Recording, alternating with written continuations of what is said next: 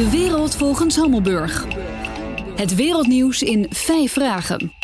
Amerika heeft het INF-verdrag voor middellange raketten opgezegd. Rusland deed dat onmiddellijk ook. Taco Frey stelde de volgende vragen. Vraag 1. Amerika wekt de indruk verrast te zijn door nieuwe Russische raketten.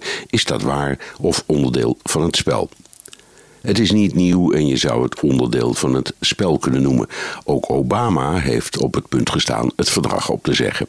Experts van de NAVO zijn het met Trump eens. Rusland heeft een nieuwe generatie vanaf land lanceerbare raketten voor de middellange afstand. En dat is inderdaad in strijd met het INF-verdrag. Vraag 2. Is het echt een bedreiging voor de wereldvrede? Ja, maar sinds de introductie van atoomwapens in 1945 hebben de nucleaire machten zich gelukkig laten leiden door zelfbeheersing. Dat is logisch, want de eerste die op de knop drukt, luidt het einde van de wereld in. Aan de andere kant, als je in 1989 hebt afgesproken een hele generatie kernraketten te ontmantelen, wordt het evenwicht bedreigd als een van de partijen een nieuwe ontwikkelt. Vraag 3. Welke acties onderneemt het Westen om de wedloop in balans te brengen? Twee dingen. Een politiek offensief met de NAVO om de Russen tot andere gedachten te brengen.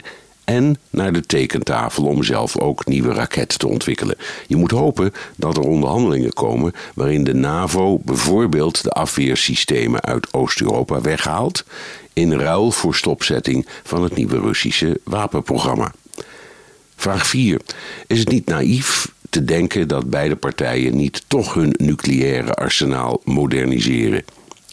Ja, en dat doen ze ook, maar tot nu toe binnen de bestaande verdragen. Korte en lange afstandsraketten, voor zover die nog gewoon mogen om het zomaar uit te drukken, verouderen of slijten. Er is veel onderhoud en soms worden raketsystemen vervangen. Maar dat is niet hetzelfde als het toevoegen van een verboden klasse raketten.